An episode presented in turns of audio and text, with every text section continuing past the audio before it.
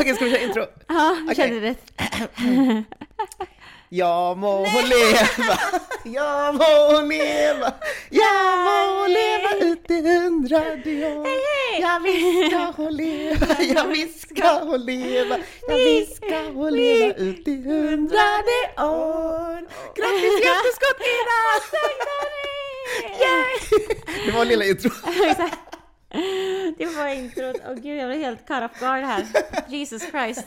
Du var förväntad dig ett intro men eh, no! Ja, jag vet. Jag var okej, kör.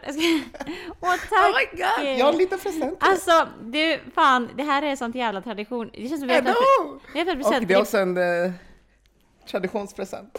Oh my god! På engelska! Oh my god, ja! På engelska så vi kan spela... Varsågod, Wow! Ina. Ge mig kram för fan! Nu har jag... Okej, okej, okej. Okej, så Ina fick eh, mitt eh, favoritspel, Codenames, och du älskar också det spelet. Mm. Ja, jag tycker det är skitkul. Det var Men som- du har ju lånat den svenska varianten av mig, Exakt. och din kille kan ju inte svenska Nej, så precis. bra. Nej. Så ni har ju inte ens kunnat spela det. Nej, precis. Och jag sa det sist när du var här, jag bara, ah, vi lånar ju den men vi kan ju inte spela för att det går inte. Alltså, så, så Jag bara, kul! då måste hon få det. det är Tack så jättemycket. wow Danny. Jag har ju fan, det ligger där borta, det är svenska. Den svenska, Så, du får ta med det. den kan jag hem nu, så det kan, det kan ni spela den. Nu är det plats i väskan. Fy fan, tack fan vad kul! Alltså det här är ett pro- stående problem, vi har ju liksom inga så här, alltså jag har ju bara så här svenska spel underhållningsgrejer. Mm. Men nu har du kul! Yes. Yes, Alltså. Codenames, älskar Det är Codenames. så jävla kul. Du, du ska få ett spel varje år. Du, Oh, yes. så det, Min spelcollection. until you die. är det dansklasse då? Tills varje, varje år. Oh Ja. god, det är sant. A birthday has happened. Yes, Vi hur var det? Eh, men jättebra. Alltså jag har ju varit, eh, jag har pendlat eh, till Stockholm och Ja, fram och tillbaka. Så jag har firat helt utspritt egentligen. Eh, jag var i förra helgen så var jag och tittade på, du vet, min, mina kompisar med en dansshow som heter Wallmans här i Göteborg, en sån här dinner show. Mhm, Eh, och, och då är det så här att man käkar middag, trerätters och så Mm. är det en, en dansshow där de sjunger och dansar och sånt. Så vi Okej, gick, eh, vi som känner varandra i det gänget gick och kollade på den eh, showen. Mm. När de körde och det var skitkul och det är verkligen så här, det är jätteså flashigt, det är så här, la, det är verkligen helt så här. eh, Lite schlager typ? Ja eller? exakt, det är verkligen typ, det börjar så här med, deras intro är The Greatest Showman-låten vet. This is the greatest Ja. show! Alltså, så här. så det, var, det var skitkul. Var ligger det, Valmans? Är det där det ligger vid, ja precis. Det är nytt, alltså jag rekommenderar verkligen att gå alla, det är skitbra show, alltså sångarna otroliga, dansarna otroliga, allt är liksom Jag har aldrig varit på en sån innan. Men hinner man prata med vänner och sånt? Ja, alltså det, det är en hel kväll. Man sitter verkligen ifrån... eh, Det typ börjas, man går in klockan sex och det är färdigt typ vid halv elva. Aha, så det är liksom show och sen äh, käkar man och pratar Ja, och, sånt, och sen är det show igen? Och så. Ja. Och det som är så eh, kul med det här konceptet är att de som är på scen är även servitörer. Så de kommer ner och så pratar med emellan. Och mina kompisar gör det här, de dansar, Emily och Fo heter de. Och, de, och tidigare har Alex också gjort det, alltså min kompis. Så det, och de är helt, alltså det är helt sjukt. De står på scen så här Ja. ena sekunden så kommer de ner och bara hallå, helt så här, du vet. Ja. Så det Ja, var men skitkul! kul. Så vi gjorde Ja, det, vet det, vi gjorde det förra helgen. Och sen så, vet du, så var det lite oklart när jag skulle åka upp till Stockholm. Så Kisko eh, hade så här, ja, han var ju lurig, han gillar ju överraskningar och sånt där Mm. typ. Så han bara okej men vi gör någonting dagen innan min födelsedag för jag skulle egentligen åkt upp till Stockholm. Ehm, och då så han bara kom så gick vi ner på stan och sen så bara gick vi typ runt ett hörn så stod min mamma och min eh, bror där. Så hade han kontaktat, eller ringt dem. Så vi var ute och käkade middag bara. Mysigt. Så jättemysigt! Ja, men det var, fan. Det var mycket överraskningar alltså. Alltså så Jag jävla minns mycket. förra året, oh my god. fy fan, That's for another episode. Vi kan inte prata om shit varje år. Snabb recap förra året så uh, Kisko gjorde ju värsta, jag vet inte, inte Amazing Race men Jo, det var ju typ. liksom olika ledtrådar på olika ställen. En skatt- Och så var ju det här kaféet där. Ja fy fan. Det, Skämde ut dig själv inför alla. ja fy fan alltså. Det är så här en liten update om vem han är som person som vi snackade om sist. När han, Mm. liksom. Men ja, nej det är helt sjukt. Det, det är på, Men det är sånt du kommer, alltså, du kommer uppskatta sånt så mycket. sen, Liksom. Jag vet. Sådana små grejer som gör att man minns ju resten av livet. verkligen. Alltså det sätter ju ribban högt och man blir verkligen, man vill ju Sant. jättegärna. Jobbigt för dig innan du... Exakt, jag, förra året jag var helt så, "Ah, jag är stressad. Men jag löste det bra. Men det är jättekul, alltså fan jag tycker generellt födelsedagar och också att du, när jag, va- alltså, när jag vaknade på tisdagsmorgonen när jag fyllde år, så vaknade jag till att så här, jag såg dina så här, vet du, alla Alla Instagram Ja, stories. och det är så fint för man typ sådana minnen har man man glömmer ju bort eller små grejer typ. Ja. Så jag bara, och så kollade jag så jag bara åh, jag blev jätteglad. Jag bara fan vad Ja. fint och så kul, så mycket grejer. Alltså jag tycker generellt födelsedagar är verkligen, alltså fan vad man uppskattar.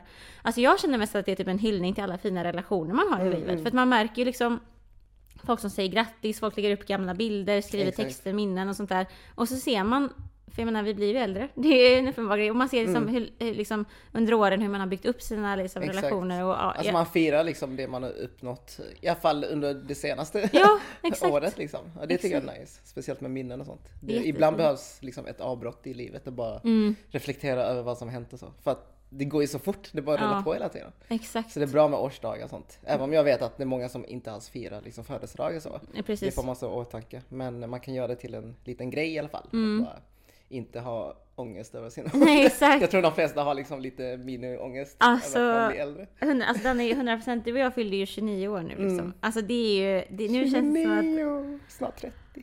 alltså jag vill ju inte ha åldersnoja liksom. Och Nej jag så- vet, jag säger- försöker så mentalt bara, nej men det, det är nice att vara 30, det är nice. Och sen bara innerst inne jag bara, nej jag känner mig som 22. Nej men sa, 23. ja, alltså samma. Jag känner typ, det är, det är så himla ohälsosamt att typ ha åldersnoja. För då Ja, är lägger man ju själv ett stigma kring att åldras. Varför ska det Så vara ett stigma onödigt. Liksom? Mm. Och det är ju, det, alltså hela liksom våran, eh, våra, alla, typ alla sam, samhällen i världen, de flesta, idealet är ju alltid att vara ung. Liksom. Det är i alla aspekter, utseende och liksom fram, karriärsmässigt och framgång. Precis. Allt handlar ju om att, så här, att vara ung är liksom det bästa. Och, jag, Mm. det, men, och därför om man då håller på och upprätthåller den här åldersnojan så Mm. upprätthåller man ju en skadlig grej. Men jag, jag alltså jag, jag, ja, nu känner jag att det är ett år kvar till 30. Och 30 den är liksom, den är. Ja, lite... det, det känns för att det är ett, det, nytt decennium. Jag Ja. tänker att när vi uppnådde, uppnådde 20 så var det ändå, det var så nice för att Ja. då kunde man göra så mycket. Exakt. Alltså lagliga saker liksom. Precis.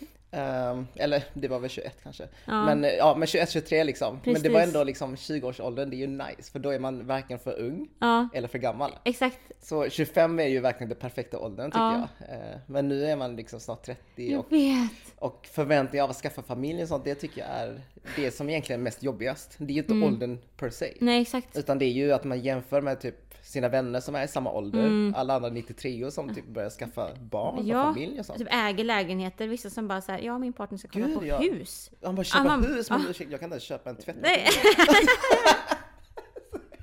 Nej. Can even buy my own. Jag kan inte köpa en, jag kan inte köpa en bussbiljett på bussen. Liksom. Jag ska... Oj! Nej men seriöst, det, det handlar ju inte om egentligen ålder som siffra utan det är ju eh, förväntningar, Ja. prestationsångest. Verkligen. Både när det kommer till karriär eh, men också till privatlivet Mm. som, eh, ja jag vet inte. Nej men allt liksom. Och också typ att det finns något, jag tycker också att det finns, typ nu i den alltså, tiden vi lever i verkligen nu, så är det också typ en jargong av att man ska liksom, det räcker inte att du är framgångsrik, du ska ha varit framgångsrik inom en viss tid. För att om Mm. inte du är det, om du är framgångsrik, Ja. alltså du ska vara ung och framgångsrik för då är du speciell. Men om du är framgångsrik för, för, gam, för liksom när du är lite äldre, Ja. då är du som vem som helst. Alltså du ska, ska sticka ut och så här, jag ska göra allt innan 30, jag ska liksom ha, jag vet inte, alltså så här, köpt min Mm. det är första sånt bil. man läser också i första- media liksom, att det är så imponerande när det är en 20-åring som har eget Ja. företag liksom. Exakt. Men är man 50-åring och har eget företag, det är ju inget speciellt. Nej precis, alltså, så är det, det så händer ju, Ja, Ja, så det, man målar Exakt. upp en bild av att eh, ju yngre och mer framgångsrik man är desto, ja, desto Ja. mer liksom, utrymme får man i både media men också i livet generellt av Exakt. vänner och sånt. Man bara, eller jag vet ju Ja. själv att jag så ser upp till folk som Ja, är yngre än mig och gjort massa saker. Man bara wow! Ja, jag. Jag var i din ålder, jag visste inte ens vad, bla bla bla. Nej exakt, man var så gud jag kunde inte ens liksom, nej precis. Eller hur? Ja och jag tänker också att, för att lägga på en liten aspekt med corona, Mm. i och med att det har gått nu liksom Två, tre två, år. två liksom. tre år, ja precis 20, 20, 2021, 20, ja är inne på tredje året liksom. Mm. Med corona blir det ju. Visst? 2020, 2021, 2022. Ja. Helt sjukt. Tredje Alltså det, det är ju två år som har typ försvunnit. Exakt, och, de, och, jag, och därför, jag känner mig väldigt mycket menta, alltså mentalt. Jag skulle nog säga att okej, jag känner mig ändå äldre. Alltså, jag, när jag tittar tillbaka på allt som har Ja, hänt, jag känner, okej jag förstår, jag känner mig inte som att jag är, om jag ska vara liksom så här, eh, rimlig nu. Ja. Jag känner mig inte som att jag är så ung, men jag känner mig definitivt inte typ äldre än 27. Nej precis. För För som jag vet inte de- om du, för jag har ju äldre syskon. Ja, Och när jag var liksom 23, 22, 23 så tänkte jag att mina äldre syskon som är liksom 28 och 30, Ja. då för mig så var de jätte, jättelångt i livet och exakt. allt sånt där. Och nu är jag i deras, alltså deras eh, stadie som eh, de var då. Det känns ju inte alls som man har hamnat där. Nej men jag tror, och, jag tänker att alla som är äldre än oss, som Mm. typ hör detta, tänker att alla har känt så. Men jag tror ändå att i och med att Corona har gjort att det som skulle ha hänt på de här Mm. två åren, alltså vi, jag, du och jag har ändå fått till jävligt mycket saker, det har vi, alltså Mm. fair enough, det har vi. Men jag tänker ändå att det man Alltså vi har en, alltså man har ändå, allt har tagit lite längre tid. Mm. Och därför känner jag mig yngre. För jag känner att jag tror att om inte corona hade hänt så tror jag att jag hade liksom känt mig lite mer in line med min ålder. Ja, för att man kanske jämför lite med grejer som man har gjort kanske. Ja men precis. Som en, en del av progression i sitt Ja. liv. Och det är, också, det är också så farligt för då mäter man sin eget värde i sin I- prestation. I typ. prestation ja. Men vi är ju mänskliga. Alltså, Men det är, det är ju som ett nytt kapitel varje gång alltså, i Ja. ens bok liksom. Alltså Exakt. nu när jag har flyttat så är det också ett nytt kapitel och det kommer jag se som en utveckling i mitt liv liksom. Mm. Alltså då, då känner jag mig lite äldre och med ansvar för allt sånt där. Exakt. Um, Men jag tror dock att, alltså jag, eh, alltså typ när man ändå, man följer ju ändå människor, eller jag följer ju människor som är liksom, som jag ser som förebilder, som ändå är så här typ med 35, Mm. kanske 32, alltså någonstans där. Och alla de säger ju typ att så här, 35 är nya 25. Alltså så här, att Okej. många, det är ändå många, tycker jag, som, jag- som är Ja. som, det, har lite noja när man kommer runt 30. Sen när man kommer över 30-snåret, då börjar alla bara säga det här är den Mm. Ja. bästa åldern typ. Ja, vad nice. Så att jag ändå... Något att se fram emot liksom. Exakt, jag har ändå, jag har hopp eh, och jag, eh, ja. Men jag åldersnojan, den är ju här. Men nu känner jag också, Tyvärr. Ja. innan 30, jag känner att jag fått en liten eh, spark nu typ. För att nu känner jag att Mm. okej, 30 är där snart. Jag har åldersnoja, jag försöker jobba bort den, men jag försöker också acceptera att den finns. Men nu så använder jag det som motivation, att det här Mm. året, fram tills jag fyller 30, Ja. saker ska ske liksom. Alltså, Okej. saker, det här känns som ett nyår för mig. Det känns som att, Mm. jag brukar alltid försöka tänka att eh, födelsedagar, det är ju Okej, egentligen... som en omstart. Precis, igen, alltså om man tänker biologiskt så är det ju det för mig, för jag Ja, föddes ju liksom då, inte senare. 29 år sedan. Ja. Så att, eh, och jag, ja, så det är min tanke, att jag ska verkligen försöka ta vara på liksom Ja. tiden och inte... Ja, så Ha, har du några känner- mål eller någon Alltså inte konkret. Eh, Jo, eller? en grej som är väldigt konkret och det är redan bestämt nu. Jag fyll, Nästa år tar jag ju examen från min masterutbildning. Oh my god, perfekt. Och jag fyller 30. Fyller 30, Så ja. jag ska ha en jävligt stor fest i sommar Åh, nästa år. En sån här 30 examensfest. Alltså jag funderar på om jag ska börja spara pengar till det nu typ. Så man kan ja, ha så här, kombinera och skapa. Precis. Gud vad kul! Det, så det ska hända ja, nästa... jag, jag väntar på inbjudan. Ja, gud ja. Alltså jag ser framför mig att du vet, jag alltid, jag, jag, jag, ser framför mig, du vet, när man typ är så, okej jag överdriver jättemycket i huvudet. Men du vet, när, du vet, när man ser folk, 16. exakt. Justin Bieber kommer komma. Skojar. Nej men eh, att du vet att man hyr typ en lokal någonstans. Alltså lite sådär som typ när man ser att, okej, när folk har bröllop och de åker Mm. iväg typ till något, något fint ställe och är på, i Aha, någon okej, lokal. ja, Okej något nu, jag vet. ja. Precis, alltså jag vill hade verkligen med att så här, göra, samla alla mina närmsta men ändå så här, typ alla, inte bara typ olika gäng utan Mm. Nej, alla gänget, och bara typ så här, jag vet inte, fira livet. Typ. Gud vad kul! Så that's, det, är en, det är en plan och jag ska Oh verkligen God, försöka aktivt få det här att hända. Ja men 30 det är speciellt ålder. Exakt. Vi får se om ett år igen när vi sitter här och ser om jag har lyckats. Kommer jag vara stressad då Exakt. och bara, jag har inte hittat någon lokal än. Vi, vi klistrar in den här delen av avsnittet Ja. i avsnitt, jag vet inte, eh. Vad blir det? 60 någonting. Ja, precis. Och Lägg in ser... och se om det kommer uppfyllas. Så bara, fan det här Vänta, okej, året. Ina, vad vill du säga till Ina 30? Åh, okej, wow. Oh God, vilken rolig... Okej. Jag vill, jag vill nog säga typ att... Eh, jag vill kunna säga så här. Du försökte ditt allra bästa. Mm. Liksom, you tried your best. Du har gjort allt du kan utifrån din egen kapacitet. Och eh, var stolt över liksom, sakerna du har gjort. Framtida Ina 30, hon bara Exakt. Åh cute! Vad cute, det Jag jävla... inte ens det här! Så little kid. Ska, det är som att typ massa ska hända på ett år. Det går Eller hur? skitfort. Jag kommer antagligen inte ha gjort någonting. Jag kommer bara... Vi sa att du skulle mäta i vår värld. Okej, det är en balansgång mellan eh, hälsosamma åldersföreställningar föreställningar Mm. och Känn ingen press Ina 30. Sitter du på en soffa nu hos Danny och Exakt, jag bara fan. pratar om att du fyller år 30 och inte haft den här festen. Det är liksom, det är okej. Exakt, det är okej. It's okay. It's okay if it Vi kan won't hitta på någonting ändå. Exakt, vi kan bjuda på fik. kan gå till... eh, Kan gå till McDonalds. Okej. Eh, Så under, jag vet inte, det var nog förra veckan, Mm. eh, så inledde jag ett, ett samarbete med eh, Mediakompaniet. Mm. Alltså de... eh, Ja, det heter så, mediekompetens. Ja, de, eh, håll, eller de typ undersöker liksom hur representationen ser ut när det kommer till ja, med media Mm. eh, av liksom människor eh, av olika åldrar, Mm. men också till kön, men också etnicitet och funktions, eh, alltså. Mm. För att se hur det representeras i media bara Ja. helt enkelt. Ehm, så det de eh, ville var att de ville att Tänkvärt skulle lyfta rapporten som de skulle släppa i år. Mm. Eh, och jag tänkte bara, men det är ju någonting som passar plattformen. Det är skitbra. Så de bara, men ja. kan, vi- vill du inleda ett samarbete? Jag bara, ja det kan vi göra. Så det, samarbetet funkar som så att eh, de liksom, ja men eh, vad tycker du är viktigt i den här rapporten? Jag fick Mm. läsa igenom. Så tog jag ut några delar och sen gjorde de liksom eh, grafisk profil typ. Och så Ah, skickade de till mig nice. och sen la jag Ja. upp det liksom. Ja. Så det var ett väldigt bra samarbete så att jag behöver inte göra jättemycket. Jobb, bakom det. eh, ja, eh, för mig så var det bara mer att jag skulle publicera plattformen. Mm. Så det de visade i år var att eh, det är ju val i år. Mm. Så de, det var det något speci- speciellt rapport då. De ville undersöka hur det politiska ledarskapet ges- gestaltas. Mm. Främst utifrån kön eh, och etnicitet. Mm. Eh, Men också ålder då. Vilka får synas och höras och vilka får inte det. Ehm, Så det, det som, eh, alltså det är egentligen inte nytt för oss som Nej. insatta. Alltså det, jag kan ta några punkter bara em, som egentligen är intressant för den som inte är insatt. Men representationen är övervägande vit. Mm. Eh, och i lokalmedia är det nästan bara alltså, vita personer som syns i media. Mm. Eh, medan i riksmedia, alltså för nationellt då, så finns det fortfarande icke-vita. Eh, men då är det främst i representation av alltså, ministrar som sitter just nu. Liksom. Okej, ja. Eh, eller ex-ministrar och partiledare som Mm. eh, Nyamko då. Så det är, det är inte jättemånga och de som syns brukar synas eh, om och om igen. Liksom. Eh, No shit. Ja, så det är inte något eh, spännande där.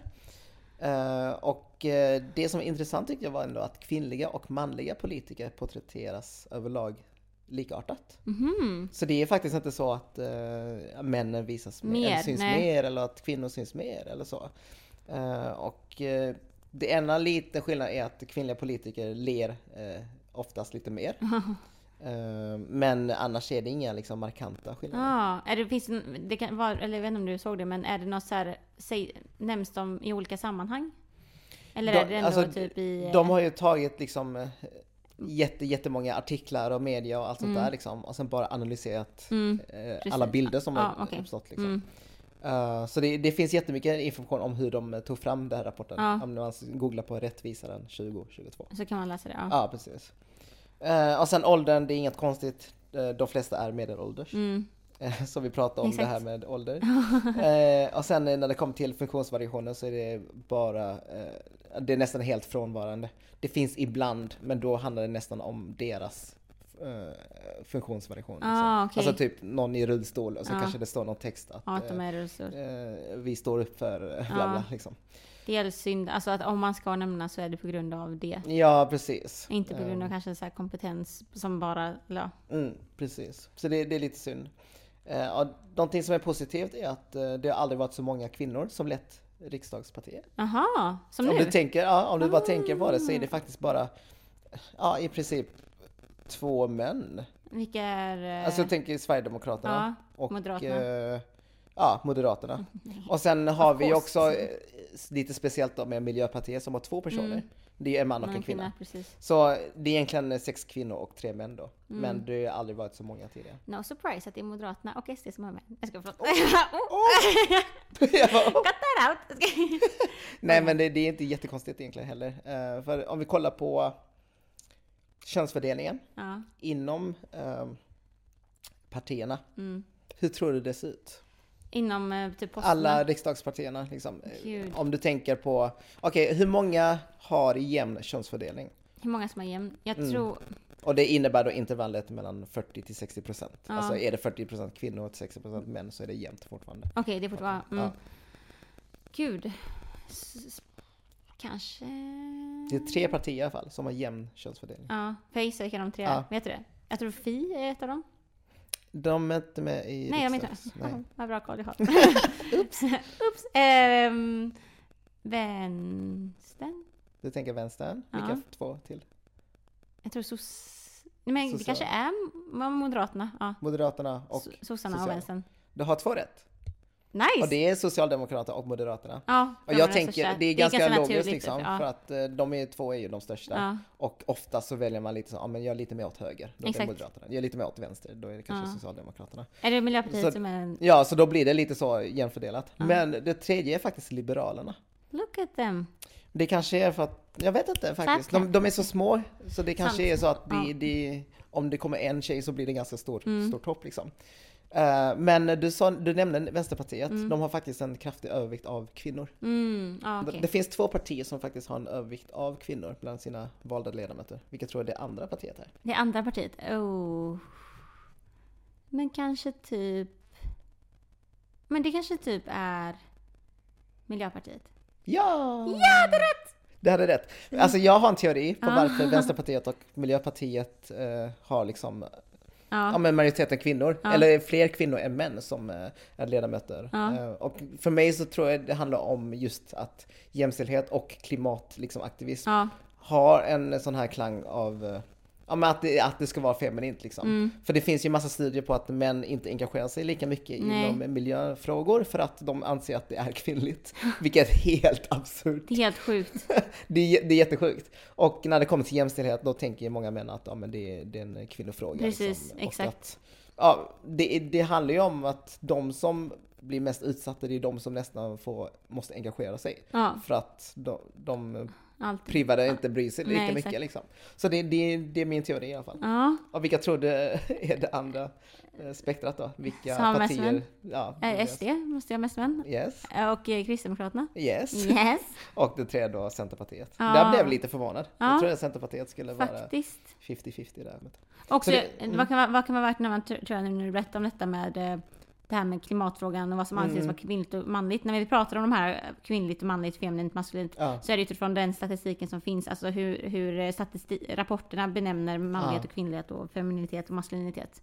För då är det ju verkligen binärt, då är det ofta så. Maskulin, Ja, feminint, man, kvinna. precis. Eh, Så det är precis anledningen till att vi inte pratar om icke-binära och sånt, det är ju för att det finns inte den statistiken Nej, exakt. tillgänglig. Så det här är, handlar bara om eh, generella liksom, termer. Mm. Nej, men eh, det var väl eh, ja, det som jag tyckte var intressant. Ja. Mycket annat visste vi redan sedan innan. Liksom. Eh, allt som har att göra med strukturer överlag. Mm. Det återspeglas också i media. Mm. Och det är så viktigt med att faktiskt eh, ändå visa representation. För att Ja. vi är många av andra liksom, etnicitet Mm. och eh, kulturella liksom, bakgrund. Exakt. Men procentuellt så syns vi ändå inte så mycket Nej. i media. Exakt. Eh, Och det är det vi pratar om. Vi pratar om att vi ska synas 90% av alla fall. Ja. Alltså det är inte så vi Nej, pratar nej, om. nej. Utan vi vill ändå visa att består vi av 8% av icke-vita i Sverige, då vill Mm. vi ändå synas 8% i liksom, media överlag. Exakt. Men här handlar det om verkligen en lit, jätteliten siffra. Liksom. Mm. Speciellt i lokalmedia där det bara nästan är vita. Mm. Vilket är jättekonstigt för att i- Mm. alla lokala samhällen liksom, det finns ju Det, icke-vita. precis, Liksom. det finns exakt. Men det, och, det, och det är ju sån alltså, den här, det är verkligen sån statistik som behövs. Alltså vi Mm. behöver ju producera kunskap som eh, bygger på, alltså som visar upp hur orättvisor sker. Men eh, Danny, vad har eh, hänt på plattformen under veckan? Ja, på tal om statistik och sånt så kommer ännu mer statistik. Nej, men det, det jag lyfte var att jag såg ett, en ny och fräsch studie Mm. eh, som undersökte liksom hur eh, de här alltså absoluta toppen, liksom, alltså chefspositionerna, eh, vilka som dominerar där. Mm. I Och- Sverige? Ja, precis, i Sverige. Och som sagt, det är ju inget märkvärdigt att det är vita som gör det. Liksom. Ehm, det är någonting som vi har upptäckt själva, att ju högre upp man är desto mer homogent är det. Det är liksom, det är vita personer, det är medelålders, eh, det är eh, ja, men, svenska liksom, eh, med svenska namn och ja, oftast män också. Så det, det de undersökte var att ja, topp 10 namnen som är i chefpositioner, det är ju nästan bara manliga namn.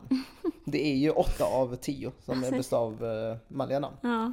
Så jag tänker ta upp den här listan. ja, läs. Precis, så äh, heter du Mikael och är en vit man, bor i Sverige och har, ja men kanske en, någon äh, högskoleexamen inom typ eh, om ekonomi eller Mm. är civilingenjör så har du väldigt stor chans att nå toppen. Mm.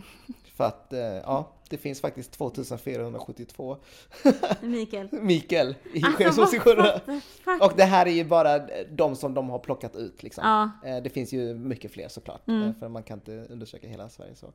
Men eh, ja, det är så många det finns. Andra plats heter Anders, sen kommer Johan, Ja. Peter, Thomas, Magnus, Fredrik och Stefan. Det är de som är ja. De man, männen som, Herregud. som dominerar. Och sen kommer första kvinnan på Ja. nionde plats. Och det är Anna. Visste. Och sen på tionde plats är faktiskt en man igen. Och det är Mm. Jonas. Jaha, så det är liksom bara, wow, okej. det- Ja. Ja. Eh, Jag ska döpa min, jag ska om jag får en dotter ska jag döpa den till Anna. Så det, ja, det var faktiskt nio av tio va? Ja. Ja. Eh, om man tar de vanligaste kvinnonamnen Ja. som kommer efteråt, då är det Maria, Mm. Kristina, Mm. Marie, Eva, Malin, Annika, Lena, Åsa och Susanne. Du sa typ, det där är typ så här alla Alla namnen är ju verkligen... Ja, när, man, när man hör de här namnen Mm. själv så tänker jag att man också associerar till auktoritärer i sin. Faktiskt. Alltså jag ser ju massa lärare framför Jag mig. ser också massa lärare och eh, ja, men också chefer. Ja, faktiskt. Mm. Ja, gud. Ja, mycket ja, chefer. Och, och om inte det är ens min direkta chef så är det någon annan. Det är så här, ja, hennes chef. Eller Mm. Exakt. hans chef. Ja. Men min chef heter inte någon av de här i alla fall. Nej. Men... eh, Nice. Det, ja, I don't know. Is it nice though? Okej, min topp, eh, han som har grundat företaget är faktiskt med i topp eh, 10 listan. Han är det. Nej, Shoutout till Peter! stats don't lie. Stats matter. Och så är det ju många som säger, ja men det är inte så konstigt att eh, de dominerar de här topplistorna. För Ja. att det är ju de vanligaste namnen överlag I också Sverige, okej, i Sverige. ja. Vilket, det är ju sant. Ja. Men det är fortfarande ett stort problem. För att eh, alltså namnet Anna är lika vanligt som eh, de andra toppnamnen liksom. Men hon är Mm. Precis. fortfarande på nionde plats. Mm. jämfört med Mikael som är också liknande namn på första Exakt. plats. Liksom. Och därför är det så viktigt med det här med statistik, att man tar det, alltså, det, alltså om det I tas sin ut, kon- kontext, Precis, ja. för att om det tas ut så kan det bli helt... eh, För hade vi bara kollat på eh, vanligaste namnen i Sverige och toppcheferna, Ja. då, då kommer det nog vara ganska bra liksom. Mm. Alltså då ser man, okej men Mikael, Anders, eh, Anna, Maria, det är liksom Ja. vanliga namn och det är inte så konstigt att de hamnar i den här listan. Nej. Men samtidigt om man kollar kontext så ser man att det är bara männen, Som är högst. männens vanliga namn som är högst upp liksom. Och då blir det något väldigt skevt. Mm. Och sen som du ser, det finns ju inte ett enda icke-vitt eh, namn, där Namn, egentligen. Eller alla är väldigt så traditionellt. eh, Och också typ att det är så, det är också en, en för att lägga till ett till aspekt i det, det är också så många icke-vita, speciellt första generationens Mm. eh, vet det, invandrare, kanske andra också, som ändrar sina namn. ja. Som ändrar sina efternamn eller ändrar sina Mm. förnamn för att liksom få ett bättre bemötande, speciellt inom arbetsmarknaden. Exakt. Det har ju varit jättemånga fall. Eh, Det var ju en senast, jag läste en artikel Mm. om en eh, kille då som, eh, gud han hade ett arabiskt klingande namn. Mm. Och så bytte han namn till typ Martin. Och så fick han typ jobb direkt. Ja, precis. Eller ja. inte jobb men han fick i alla fall intervju, Ja. alltså kallelse till intervju. väldigt fort liksom. Ja. Och det är, det är så vanligt, jag känner så många kompisar som har bytt eh, namn Mm, till eh, mer samma. svenskklingande för Mm. att eh, det har hjälpt dem mycket i arbetslivet och Mm. sådär. Men det är ju jättekortsiktigt eller eh, Mm. det, det är ju långsiktigt för deras Exakt. privata liv men det, det är ju inte på strukturell nivå så hjälper det ju inte Nej. oss. För vi ska ju inte behöva överge våra liksom, nej. kulturella liksom, attributer bara för att få eller för att anpassa oss till det svenska Nej. samhället. Exakt. Det, förändringen måste ju ske hos arbetsplatserna. Precis. Att man kanske inför I don't know, anonym, anonymiserad liksom, Ja, eh, ansökningsprocess. Liksom, ja. ja. ansökningsprocess. också Danny på tal om eh, alltså det här med statistik då och eh, eh, vet du hur, alltså mm, namn, svenskklingande namn eller Mm. eh, arabiskklingande namn. Du skrev ju också en nyhet eh, för, förra veckan tror jag det var. Mm. Om, du vet, det var också en ny studie som kom ut eh, från Uppsala universitet som Mm. visade på eh, vet du hur föräldrar blir bemötta i, sko, eh, i skolor. Då, då var det ett experiment som gjordes där, alltså det största experiment, diskrimineringsexperimentet Ja, det, ja. som gjorts i Sverige hittills. När det, det som gjordes var att eh, en person som höll i studien, han ringde till typ alla grundskolor i hela Sverige. Mm. Eller inte ringde, men han kontaktade dem via mail och uppgav sin, eh, sitt yrke. Alltså det var så, han skapade fake-profiler. Yrket på den här fake-profilens person. Eh, och, eh, efter, och eh, ändrade namnen. Och då var det antingen så här svenskklingande namn, typ de här vanligaste namnen som du nämnde nu. Eller arabiskklingande namn. Eh, och då visade, han, då, visade, då visade den här studien på att beroende på vilket yrke du har så kommer du få olika typer av bemötande av skolor. Och då var det väldigt så klass, klassificerade på yrken som var liksom, som var um, antingen typ väldigt höga, vet du, både höga positioner inom yrken, men även yrken som anses vara väldigt åtråvärda i samhället, typ så här läkare eller typ advokat. Och sen så yrken som anses vara på lägre position i samhället som kanske då kunde vara typ undersköterska eller liksom typ så busschaufför.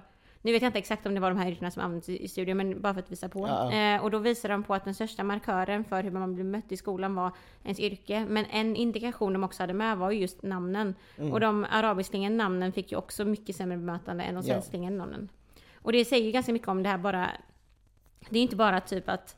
ehm, alltså det, det visar ju på hur mycket vikten av normer och fördomar spelar roll när man jobbar med diskriminering typ. Och därför så behöver man ju visa, som statistiker som dessa måste ju visas som är liksom vilka namn är chefspositioner. Ja, det kanske kan låta som att det är ur kontext helt, Ja. men det är inte det när vi, när vi kan visa på att det finns liksom föreställningar om bara ett arabiskt klingande namn Exakt. som gör att du blir bemött annorlunda. Som inte har någonting att göra med annat Mm. än att du har hört och sett namnet. Och därför så spelar det stor roll att man gör sådana här undersökningar Mm. som visar på vilka typer av namn har vilka positioner i samhället. För då kan man senare då analysera och se vad det är för bakomliggande strukturer som gör att det Mm. är så. Och allt det ansvaret ligger ju hos arbetsgivarna liksom. Exakt. Att måste jobba aktivt med att eh, motverka att de här diskrimineringarna förekommer. För Mm. att det gör ju det. Det gör ju det och det, jag vet att det är obekvämt att ens prata om att, att, att det pågår Mm. undermedvetet hos folk. Liksom. Men vi måste ju faktiskt prata om det och göra det här obekväma arbetet. Att Exakt. faktiskt upplysa dem. För det finns ju mycket, mycket, mycket forskning om just det här. Och senast så var det ju att eh, de med arabisk klingande namn måste söka nästan dubbelt så många jobb Mm. som personer med svenska namn. För att bli kallade till intervjun. Det, alltså bara den statistiken är helt skevt. Det, det är så... Eh, det, Speciellt ja. när vi får in också med det här klassföraktet som finns. Ja, Att eh, som du säger, när en förälder med, som är jurist mm, eh, hör av sig och jämfört med en som är jag vet inte, sjuksköterska, liksom, Mm. att man blir bemötta på helt olika sätt. mm, Så det är, om man kollar samhället överlag så är det också många fler icke-vita som representeras, eh, överrepresenteras när det kommer till jobb som kanske inte är lika högt alltså nej, socioekonomisk status liksom, i samhället. Så det måste man alltså kolla på hur det går hand i hand. Mm. Eh, hur de här intersektionerna med klass Exakt. och rasism. En annan sak som eh, har hänt nu senast vi Mhm. såg sist och som har fått mycket uppmärksamhet och skapat en mycket så här, en stor publik debatt. Eller inte, inte en debatt, snarare bara uppmärksamhet. Ja. Ehm, det är ju nyheten som du skrev om eh, förra, eller nu i veckan. Ja. När en eh, kvinna har blivit nerputtad i en 25 meters gruva. Mm. Eh, I ett hål liksom. i ett hål, alltså precis, det är verkligen ett, ett, ett, ett hål rakt ner i marken på 25 meters höjd. Mm. Eh, och blev, ehm, vad heter det, ja men räddad därifrån. Mm. Ehm, och bara för att dra det jättekort, det som, alltså det som gjorde, varför hon ens blev nedputtad i den här Mm. gruvan, det som hittills i brottsundersökningen man tror är, är för att hon har liksom sagt nej till ett mm. frieri. Mm. Av, sin, en man, liksom. av en man. Vad jag då tror är en före detta partner. Ja, precis. Eh, Så det, ja, det är det som har hänt. Eh, Mannen kunde inte ta ett nej, helt enkelt. Och eh, Förlåt jag skrattar, det är helt sjukt om man skrattar åt det här. Men jag menar, man är så, man blir så berörd på så många olika ja, plan. precis. Alltså han, han kunde verkligen inte ta ett nej. Han, innan, eller när hon sa ett nej till hans frieri så våldtog han henne Mm. först. Och sen knuffade han ner henne i det här hålet. Mm. För att hon ska liksom, ja men dö. För att han kom tillbaka. Det visade sig att han faktiskt gick tillbaka till det här hålet någon dag senare bara för att se om hon eh, Var kvar. ja, var kvar. Eh, Och det var hon ju. Så han eh, lämnade henne där igen. Och det var ju, anledningen till att hon hittades var ju att det var några personer som ja, men bara gick förbi och Ja. hörde liksom en kvinnas rop för Mm. hjälp. Så då ringde man liksom eh, räddningstjänsten och allt Mm. sånt där. Och det här fick ju mycket liksom, ja men det fick uppmärksamhet Mm. i media. Men det delades också, också upp i eh, två olika läger typ. Mm. Eh, ena läget var ju mer att, eh, ja men det här handlar om, eh, ja men som vanligt mäns våld mot kvinnor. Mm. Eh, det här är en man som inte kunde ta ett nej. Mm. Eh, och som många andra män så omvandlar det här nejet till, till ren reaktion, Mm. i, alltså i våld, Mm. i våldsam handling. Eh, och sen har vi det andra läget där rasist, rasister försökte utnyttja den här nyheten till att Mhm. eh, prata om mannen. Och den här mannen visade sig att han, eh, eh, han blev utvisad 2017, Mhm. men han på något sätt var ändå kvar i Sverige Okej. eh, i fem år nu liksom. Okej. Så då var det jättemånga som skrev Åh, Ja. det här måste man nämna om för att eh, det är faktiskt invandrarmän som skadar kvinnor och eh, våldtar Ja. och skadar liksom. Ja. Så det blir ju det här lägret liksom att ena försöker påvisa att det här handlar om män strukturellt. Mm. Det spelar ingen roll om det är en man som blivit utvisad eller det är man, en svensk vit man liksom, som bor i Sverige. Och så har vi det andra läget då som utnyttjar situationen för att vinna eh, politiska poäng. Mm. Eh, så jag vet inte, har, du- har du sett de här? Nej men alltså det, nej men som, jag tycker att det var jätte, för jag tycker det inlägget du skrev det var jättebra för då um, nämnde du lite i inlägget så här, sådana klassiska kommentarer som också kommer från, Varför säger man inte bara nej? ja Liksom? så, Varför säger varför sa hon inte bara nej eller varför lämnade hon inte bara tidigare typ. Ja. Eh, och, och de här kommentarerna, det är såna, det är också så här. ehm, det, det, jag tycker att det här, det är typ samma typer av kommentarer som, som har lite typ sådana som går emot, du vet om det är ett våldtäktsfall och folk säger men varför sa hon inte bara nej liksom? Varför, det, det här, de, sådana kommentarer kommer ju när man inte förstår den större kontexten i liksom hur våld mot kvinnor är en struktur. ja, exakt. Och, Och inte ju- bara enskilda händelser i Exakt. vakuum. Liksom. Och hur kvinnoförtrycket är en struktur. Och jag tänkte att, för att ehm, samtidigt som du eh, la upp detta Mm. så eh, såg jag, vet du Nina Rung. Mm. eh, som, Krimillag. eh, hon skriver ju väldigt, en stor debattör också, skriver väldigt mycket. Och i samma vev, jag vet inte om det var typ precis dagen innan eller dagen efter. Men då påminde eh, hennes inlägg mig om en sak. Ehm, för hon la upp, minns du att för ett år sedan vid den här Mm. tiden eh, så var det ju också väldigt mycket, alltså precis för ett år sedan vid den här tiden så skrev man ju också väldigt mycket om våld, eh, mäns våld mot kvinnor. Var det om den här kvinnan som, eh, skulle, som flydde från sin man liksom, men Precis. hon blev nedslagen mitt på gatan. I. Linköping tror I jag det var. Ja. Men det var ju det, att det var inte bara det. För Nej, i det var maj ju förra året, då var det... många. Precis, alltså då var det... Eh, vi ska se. Det var fem kvinnor som Mm. mördades på tre veckor av fem män. Ja. Och alla de här männen var ju också eh, alltså eh, folk som var antingen en nuvarande partner, en ex-partner eller någon av deras nära vet det, Mm. Någon man känner i alla fall. Precis. Så då skrev eh, hon ett inlägg Nina om detta och, liksom, och, och kritiserade att för ett år sedan så var det så mycket skriverier Mm. om just våld, mäns våld mot kvinnor för att det var så starkt under förra våren. Det. Och det infördes till och med en 40-punkts å- åtgärdsplan av regeringen som ett resultat av detta. Oj. För att media skrev ju så mycket om det. Ja, Men så, det har inte gjort någonting? det har inte gjorts någonting. Det är Oj. det som är grejen. Det läggs till liksom, det, det är inte ens med som en valfråga. Men gud. Eh, och det är inte någonting som fortsatt finansieras. Och då tänkte jag typ att, för jag tänkte att det var så, det var liksom så sägande typ att jag läste detta Samtidigt, typ en eller två, jag minns inte nu men en eller två Mm. dagar tidigare senare så är det en man som puttar ner Mm. en kvinna i ett hål för att hon sa nej till ett frieri. Mm. Och folk kommenterar varför lämnar hon inte bara? Precis. Men i detta, i andan av statistik, jag visste inte att vi skulle prata så mycket om statistik i, Nej, idag. Men det här är statistikavsnitt. och i andan av det så har jag lite statistik som jag ska Oj, ta upp. Eh, okej. För jag tänker på just att det här fallet av eh, heter det, mm, kvinnan som blev nedputtad i gruvan. Mm. Det är ju bara ett fall fast ändå en del av en struktur som är Exakt. så liksom eh, väsentlig och eh, vanlig och, Mm. och levande om man säger så. Please tell me. Så då är det så att enligt Brå, där samlas ju väldigt mycket vet information Ja. om våld mot kvinnor. Och jag vet det, något som man, forskning också visar på är att när kvinnor dödas så är det vanligast att gärningspersonen är en nuvarande eller tidigare partner. Mm. Motiven är oftast då svartsjuka eller separation. En annan vanlig orsak är dock psykisk ohälsa hos gärningspersonen. Mm. Och dödligt våld från andra familjemedlemmar är också vanligt när brottsoffret är en kvinna. Mm. Brottsplatsen är i 80% av fallen någon av de inblandades hem eller det gemensamma hemmet. Mm. Och det säger väldigt mycket om våldet mot kvinnor. Men om man jämför med män då, Mm. så när män faller offer för dödligt våld Mm. är det istället vanligt att någon av de inblandade tillhör den kriminella miljön Japp. och att gärningspersonen inte är en familjemedlem. Mm. Även för män är hemmet den vanligaste brott- brottsplatsen, men andelen är lägre. Det är endast 40 procent. Kvinnor, för kvinnor är det 80 procent.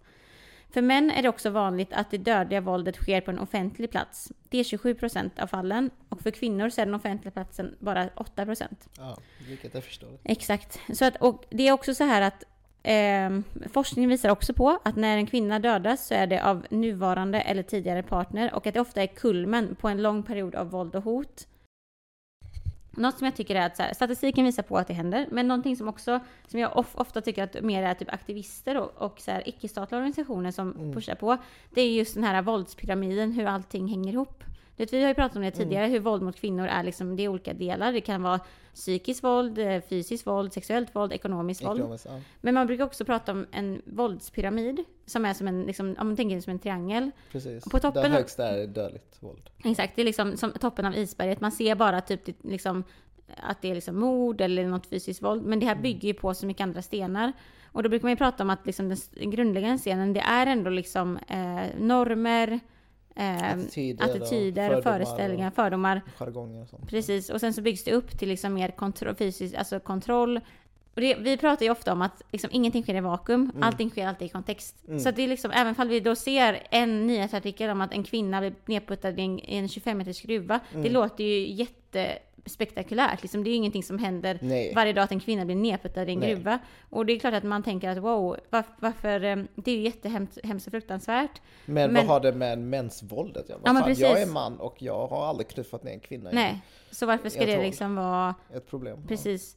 Men om man då tittar, det kommer ändå, bygger ändå ur samma struktur som allt annat dödligt våld Mm. eh, vet det, sker just mot kvinnor. Och det är även så att forskning visar, vi vet också om att eh, ju mer skadliga jargonger, stereotyper, föreställningar det finns om just kvinnor, det kommer leda till att eh, det bygger liksom en grund för att fysiskt våld faktiskt ska ske.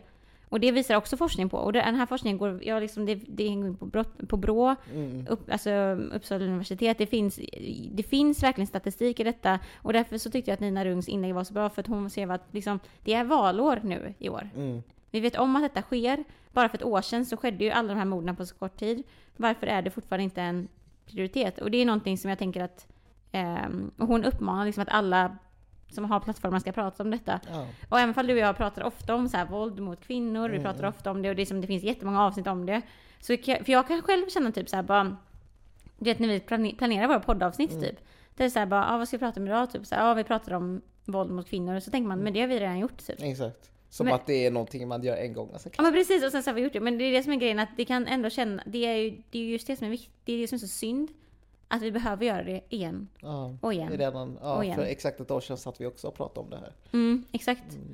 Men eh, ja, en disclaimer är ju att den här våldspyramiden har ju inte forskats tillräckligt mycket om. Nej, Så det kan man inte tyvärr ta som fakta heller. Men eh, som vi ser, alltså vi kan ju så använda common sense bara. Ja. Att det går ju hand i hand med folk som kanske har eh, ja, men, negativa föreställningar om kvinnor. Mm. Eh, alltså att kvinnohat liksom går hand i hand med att man faktiskt också kan uttrycka i form av våld. mm, Eh, och det är ju det är någonting som kan vara bra att ha i åtanke.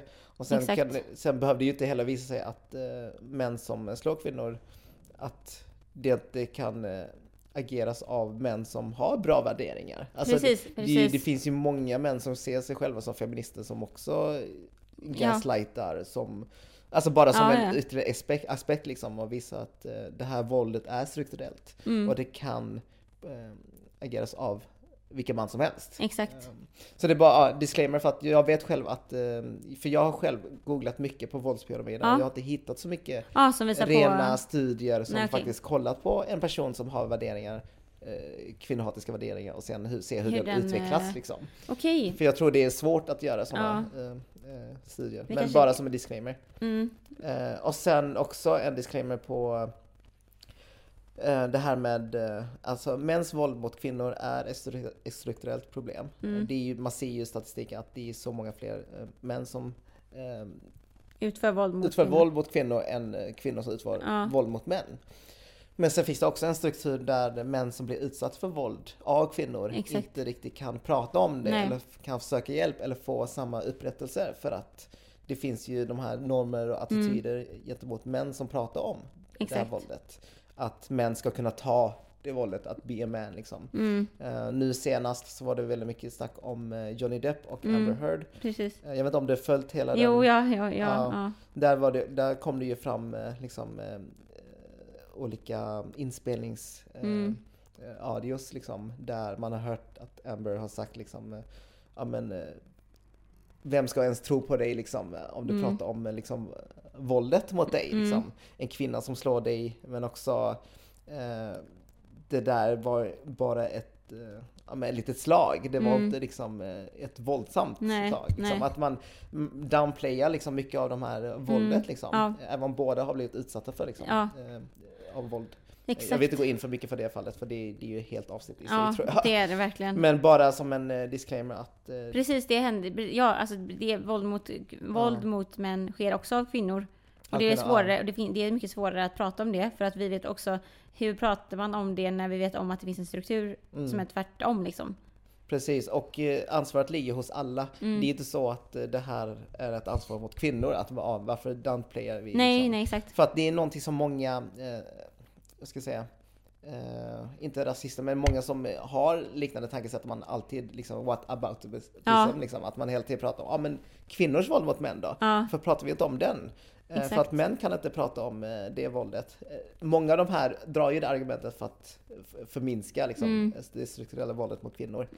Eh, Och de, säger, de brukar också lägga ansvaret på kvinnor. Liksom. Mm. Ja, det är ni som, som aldrig lyfter den här frågan. Så Mm. därför är det ni som Ja. skapar den här strukturen. Så är ju inte fallet. Är, jag själv tycker att det är så många fler män som faktiskt downplayar och förminskar de här Mm. eh, männen som blivit utsatta för våld. Mm. Att det är just männen som har det här eh, toxiska Ja, maskulinitets precis. jargongen. Att Mm. man bara, men vad fan, du ska vara du ska vara glad av att hon våldtog dig. Ja, Att du, ska, exakt. du ska kunna ta emot ett slag. Du är fan en man liksom. Ja, Den jargongen finns ju överallt. exakt. Eh, Men också väldigt mycket hos män. Ja.